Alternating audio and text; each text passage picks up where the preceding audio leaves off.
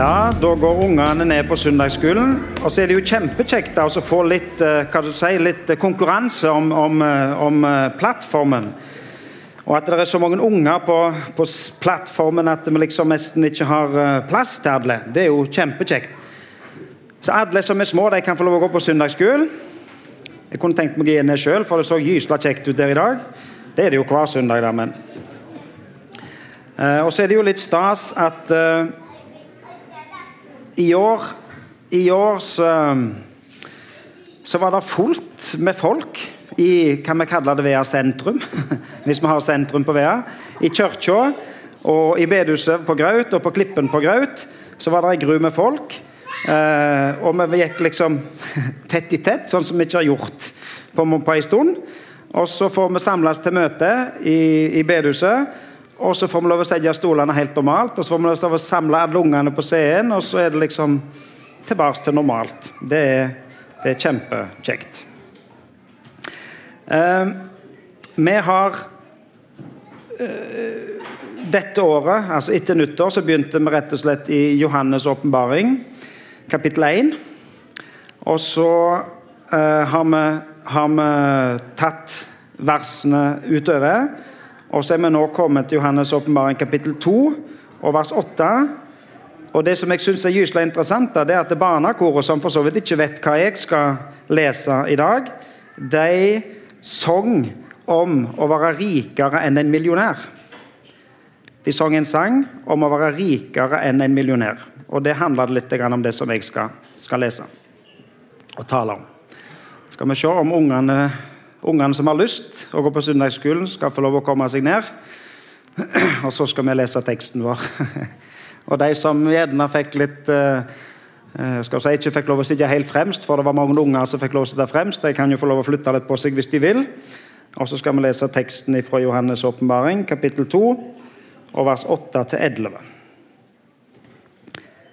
Vi må se om vi får den opp på skjermen. Gjør vi. Og der står Skriv til engelen for menigheten i Smurna. Dette sier den første og den siste, han som var død og er blitt levende. Jeg vet om de trengsler du må lide, og hvor fattig du er, men du er rik. Jeg vet også at du blir spottet av dem som kaller seg jøder, men ikke er det. For de er Satans synagoge. Vær ikke redd for det du skal lide.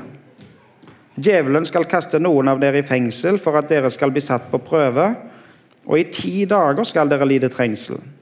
Vær tro til døden, så skal jeg gi deg livets seierskrans. Den som har ører, hør hva Ånden sier til menighetene. Den som seirer, skal ikke rammes av den annen død. Vi er som sagt i temaet vårt fra Johannes' åpenbaring, de tre første kapitlene. Og Det som skjer i Johannes' åpenbaring, er at eh, Johannes, som er blitt en gammel mann, han er sendt i si, forvisning til ei øy som heter Patmos.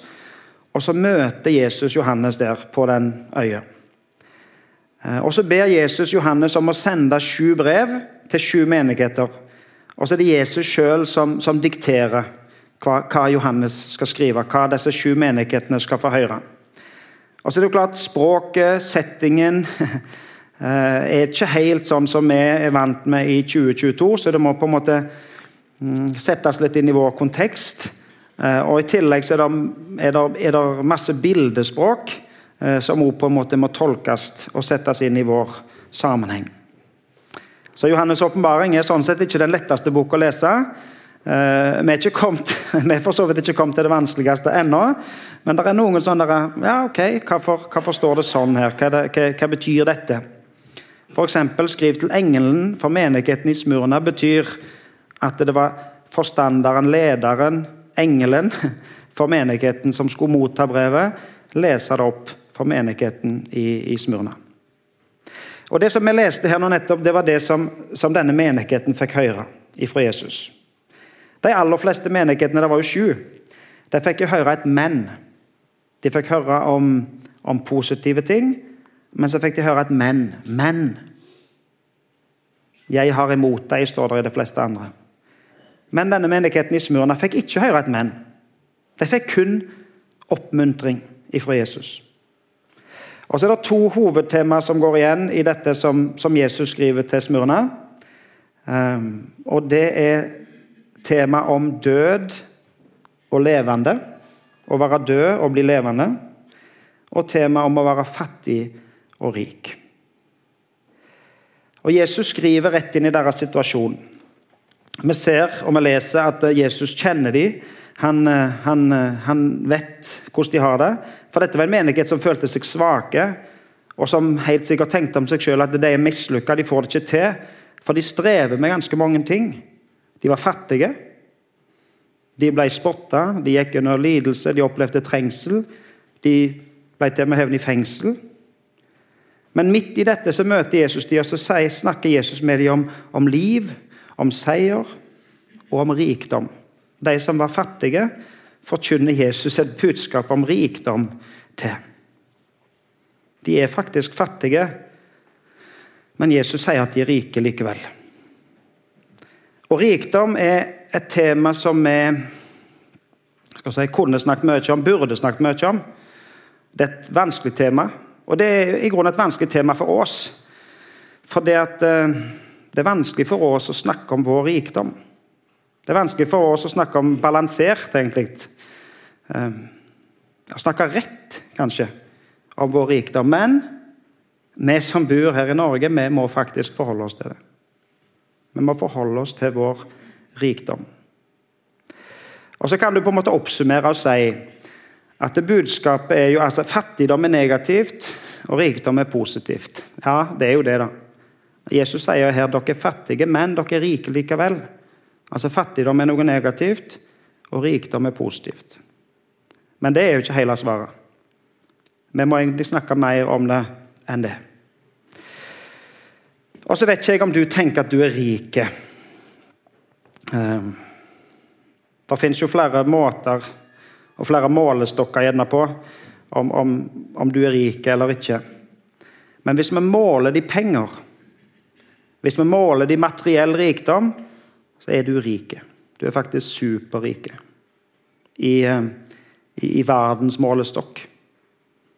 Så vi som sitter her, vi som bor her på Vea, vi som lever i Norge, vi er superprivilegerte når det kommer til materiell rikdom. Og så snakker Bibelen faktisk også om noe som heter rikdommens bedrag. Og det er interessant for oss å tenke på at rikdom kan faktisk bedra oss. Rikdommens bedrag. For rikdom kan faktisk bedra deg til å tenke at du har alt du trenger. Og hvis du mangler noe, så kan du kjøpe det bare du har penger nok. ikke sant? Rikdommens bedrag.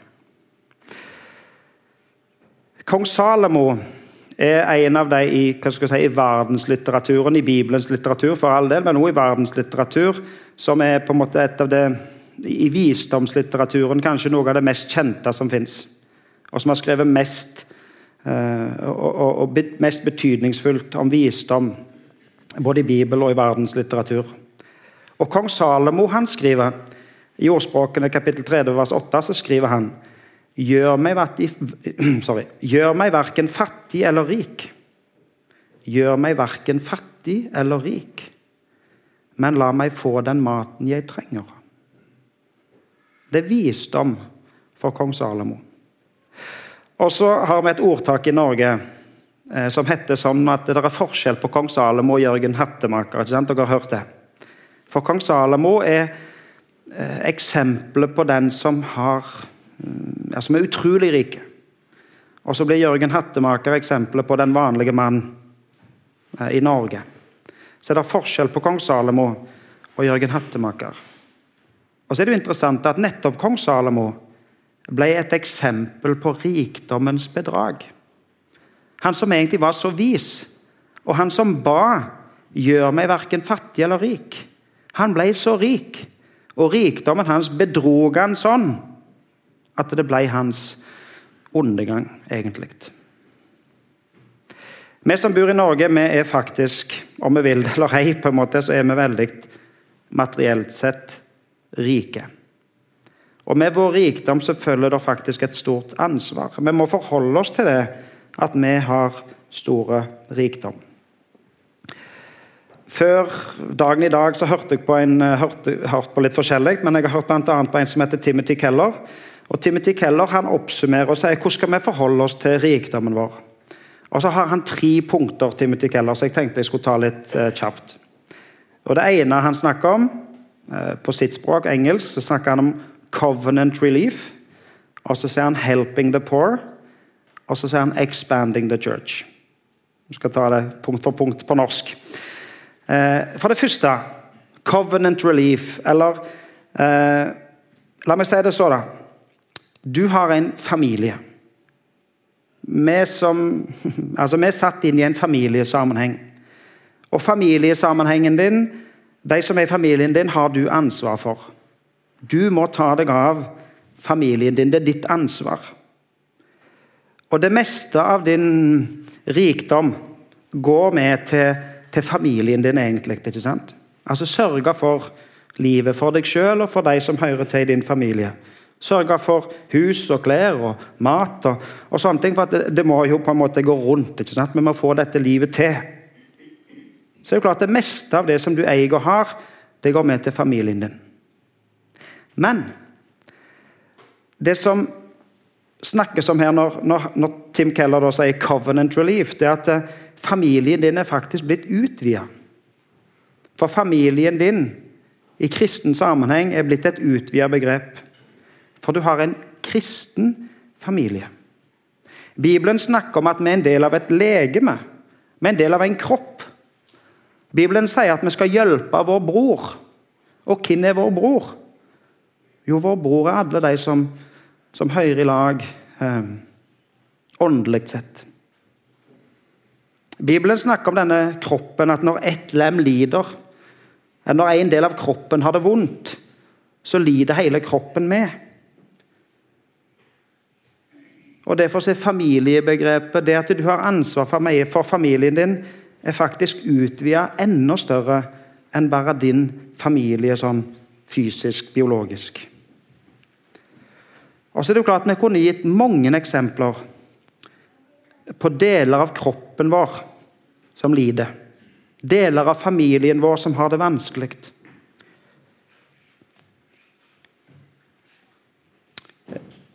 Jeg, jeg, var i Tanzania nå i, i, januar og februar.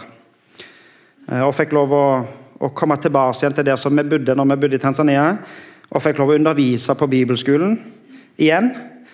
Eh, og for en lærer, eller for meg da, som underviser på bibelskolen, så er det jo selvsagt kjempeflott når vi har mange studenter. Mange som kommer og vil, vil, vil studere, vil lære mer, vil høre på min undervisning og andres undervisning. for så vidt. Og Så var jeg der nå i januar og februar, og så møtte der opp um, 24 studenter. Um, men tolv av de hadde et problem. De møtte opp på bibelskolen, hadde lyst til å gå et år på bibelskolen, hadde lyst til å lære mer. Våre kristne brødre og søstre. Og Så møtte de opp på bibelskolen og sa jeg vil gå her, men jeg har ikke råd å betale. Og Så kommer de til meg, rike nordmann på besøk i Tanzania. Tolv stykk. De spør meg kan, kan du hjelpe meg for ett år å gå på bibelskole. For et helt år. Altså Kost og losji og undervisning og hele pakken 2500 kroner. Så står det tolv tanzanere og spør meg kan du hjelpe meg. Jeg har ikke penger å betale skolepengene for, men jeg har lyst. Jeg har lyst til å lære mer om Bibelen, om Jesus, om det jeg tror på, men jeg kan ikke betale. Hva sier da en rik, nordmann? Min familie, mine brødre.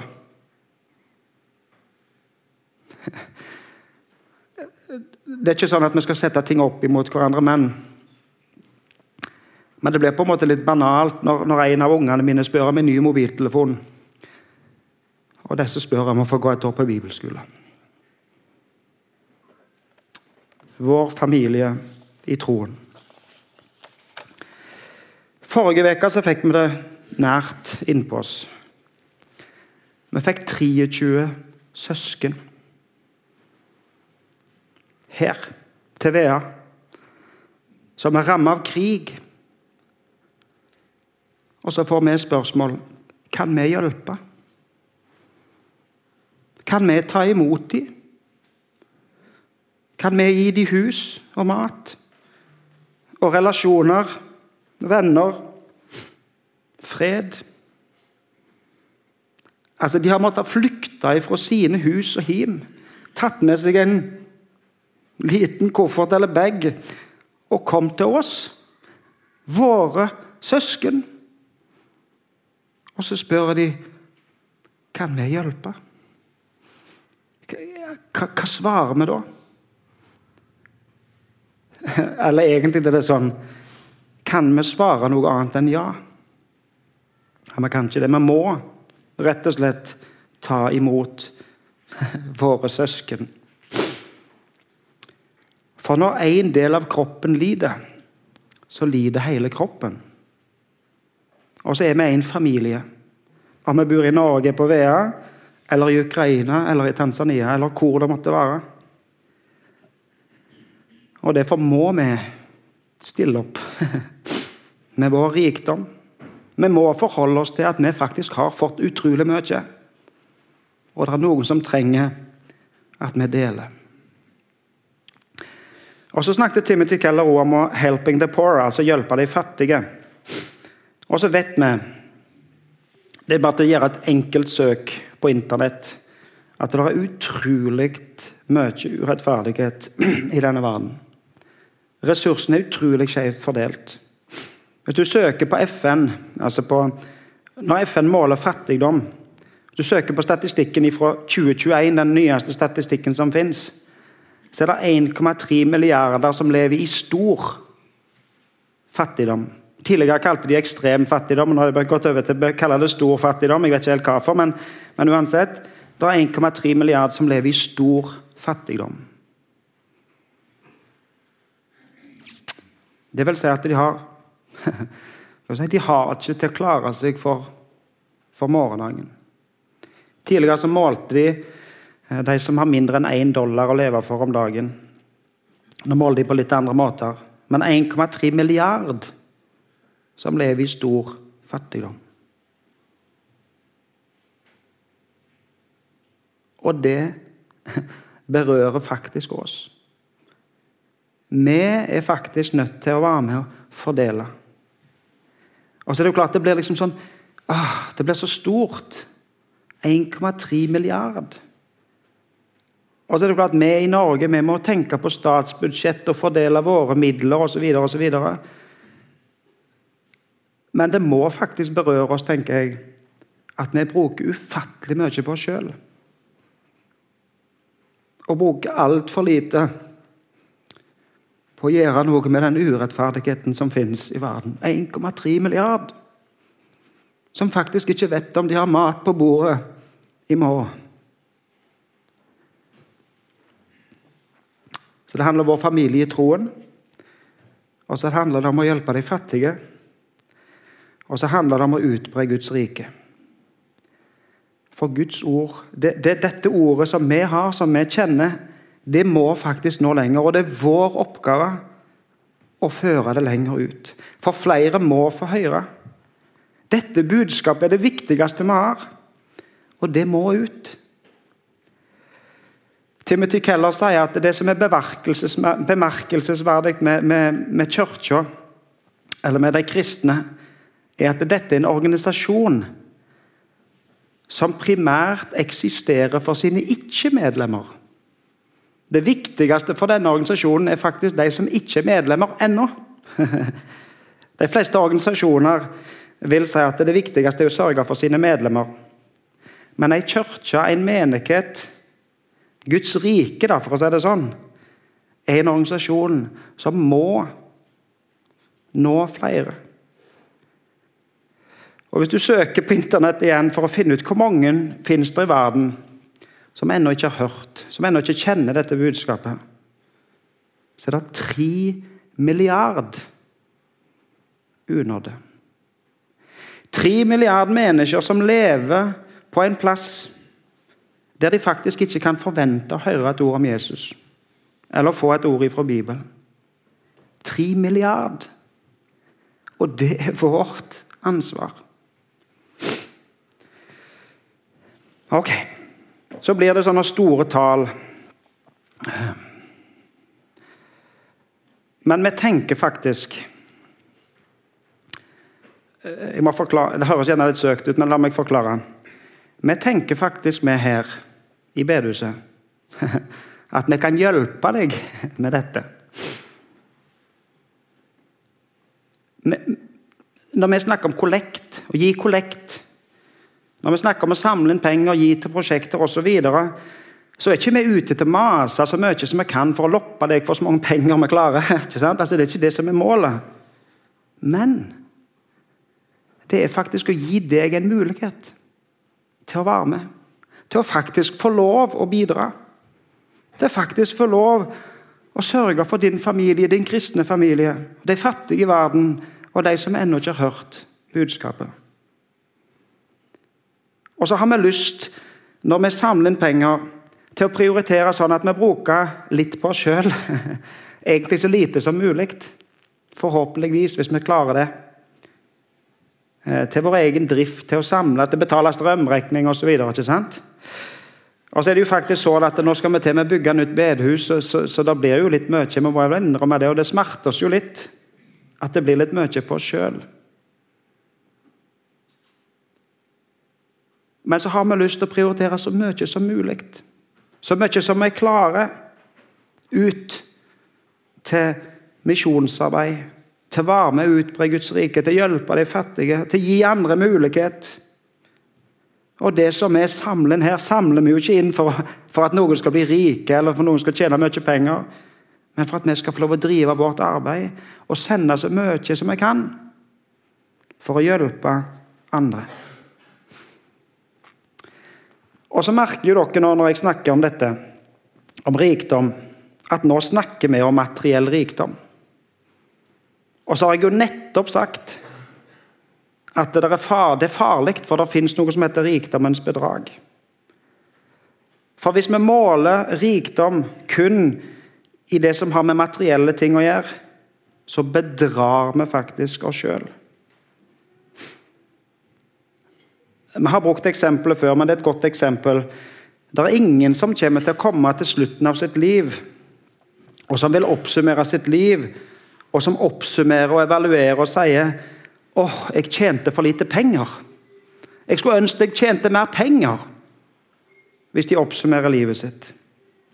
Altså For å si det rett ut hvilket hus du bor i, hvilken bil du kjører, hvilken saldo du har på kontoen, det betyr svært lite når du skal gjøre opp status til slutt.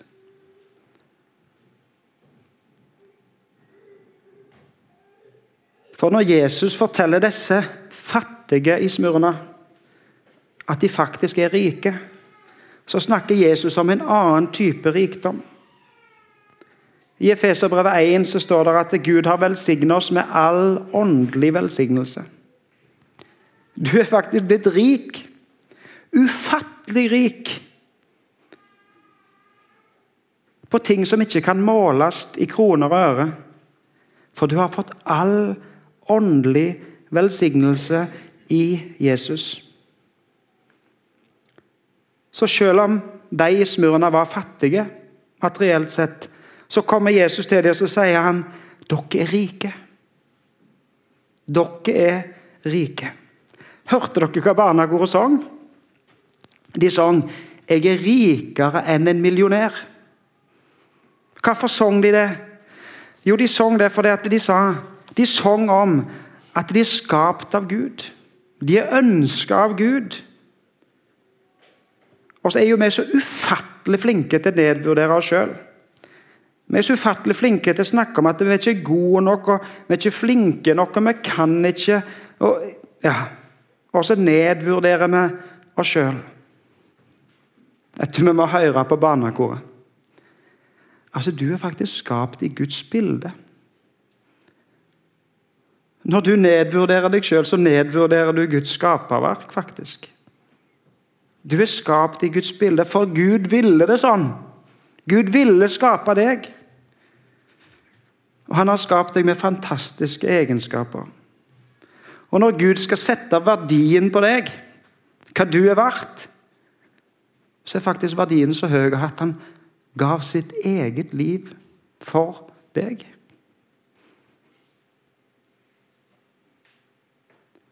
Så når du tenker om deg sjøl at du er fattig, svak, ikke kan, ikke flink ikke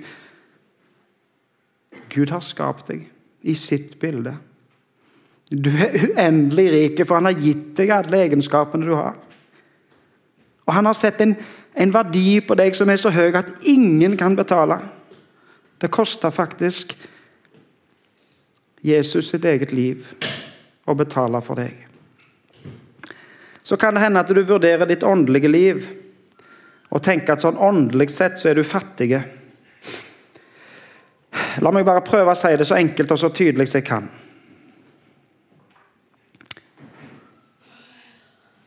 I Jesus så er du rik. Så enkelt. Så vanskelig til å forstå. I Jesus så er du uendelig rik. For Jesus har gitt, seg, gitt deg all sin rikdom. Åndelig talt. Jesus kom fra himmel til jord, gav seg sjøl for deg. For å gi deg, all, gi deg del i alt han har. All sin rikdom er blitt din, åndelig talt. Og Når Jesus kommer til menigheten i Smurna for å formidle dette budskapet, så presenterer han seg sjøl. Og så sa han Jeg er den første og den siste. Han som var død og er blitt levende. Den første og den siste. Fra evighet til evighet. Gud, Gud som er fra evighet til evighet. Når begynte evigheten uten begynnelse den veien? Når slutta evigheten uten slutt den veien? Gud fra evighet og til evighet. Altså dør jo Jesus på korset. Og det at, Gud er Gud, at han er Gud til evighet, betyr faktisk det at han ble levende. Er levende. For han er til evighet. Han som var død, sier Jesus her, og er blitt levende. Han som var død og er blitt levende. Det er mange som har argumenter mot den kristne tro. Som vil argumentere, som vil diskutere, og som for så vidt har, har eh, skal du si, eh, gode poenger, eh, vanskelige spørsmål, høye tanker. Altså f.eks. skapelse. Hvordan ble denne verden til? Hvordan er vi blitt skapt? F.eks. Guds eksistens. Eksisterer Gud? Hvem er Gud? Hvordan er Gud? Og hvis Gud eksisterer, hva da med djevelen og det vonde? Hva med livet etter døden, f.eks.? Og så, og så fins det diskusjoner rundt disse temaene og den kristne troen. Det fins en del historiske fakta i Bibelen som kan argumenteres for rent, rent historisk. Altså der, der, står om land og grenser, om, om, hendelser i historien, om kriger, om konger osv. Som vi på en måte kan dokumentere og si at andre kilder bekrefter rent historisk det skjedde det og det og det.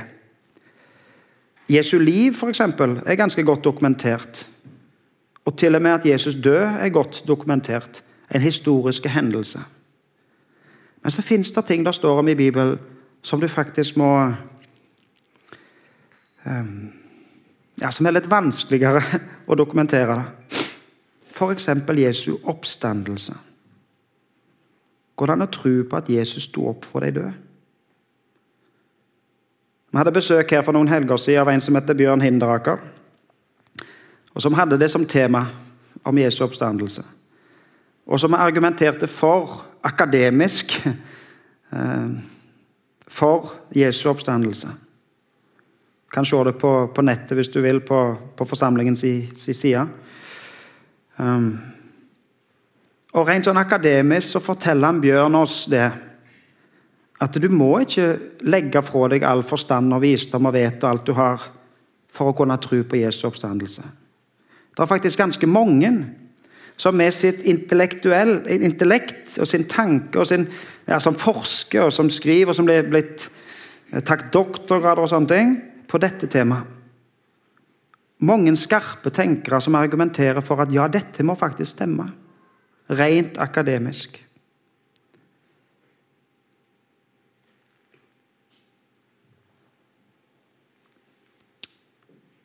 Det står her eh, i dette brevet at den som har ører, han hører hva Ånden sier til menigheten. Det betyr ikke å ha sånne fysiske ører som dette, men det betyr å kunne høre hva Gud vil si. Hør hva Ånden sier. Og så kan vi, vi må studere og sette oss inn i og finne ut er dette holdbart. Kan vi tro på dette her? Men til sjuende og slutt så handler det om hva Gud får lov å så inn i hjertene våre. Hva vi i hjertet tror på. Hva vi tar imot. Og hvordan, Gud sjøl får lov å skape tro inn i våre hjerter. Jesus presenterer seg den som, som, den som var død, og som er stått opp igjen, og som er levende. Og han sier Ehm, at han vil gi deg del i den seieren. Den seieren som Jesus vant over døden. Hva skjer etterpå? Hva skjer etter, etter livet her på jorda er ferdig? Hva skjer med oss da? Jesus er den evige Gud. Han døde på korset for deg.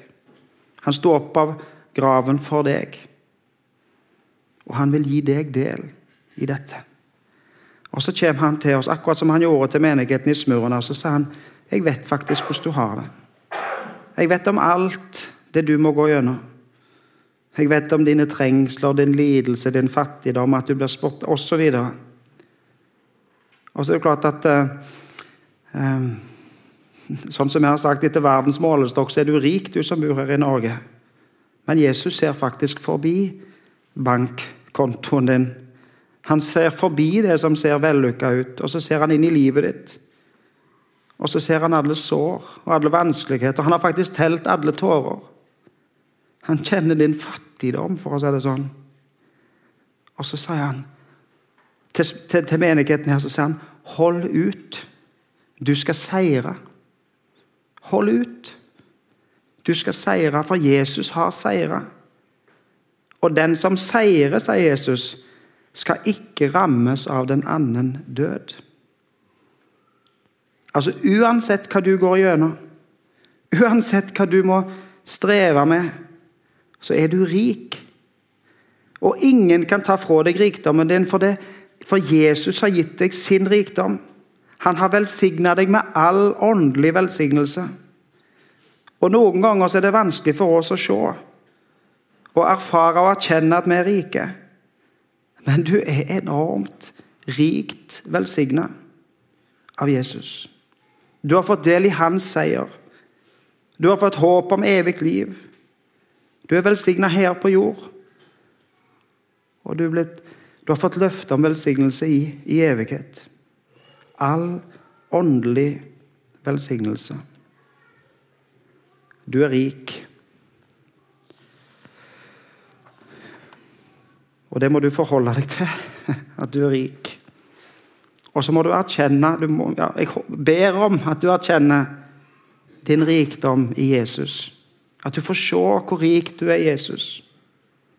Han som har seira og gitt deg del i sin seier. Skal vi be. Kjære Jesus, takk for Takk for ordet ditt til oss, og takk for at uh, vi i deg er rike. Hjelp oss til å forstå det, til å se det, til å erfare, erkjenne vår rikdom i deg. Og hjelp oss du og Jesus til å, til å dele vår av dele, av vår rikdom med de som um, De som har det vanskelig, de som lever i nød, de som lever i fattigdom. Hjelp oss å dele med disse som lever i krig.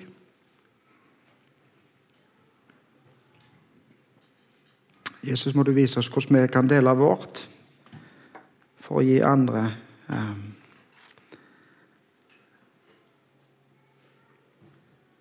fred. Og hjelp oss du å peke på deg og spre budskap om deg til andre. Må du velsigne ungene på søndagsskolen. Må du være med alle som er her, alle som ser på og hører på. Vi ber Jesus om din velsignelse, om din rikdom inn i våre liv. I ditt navn. Amen.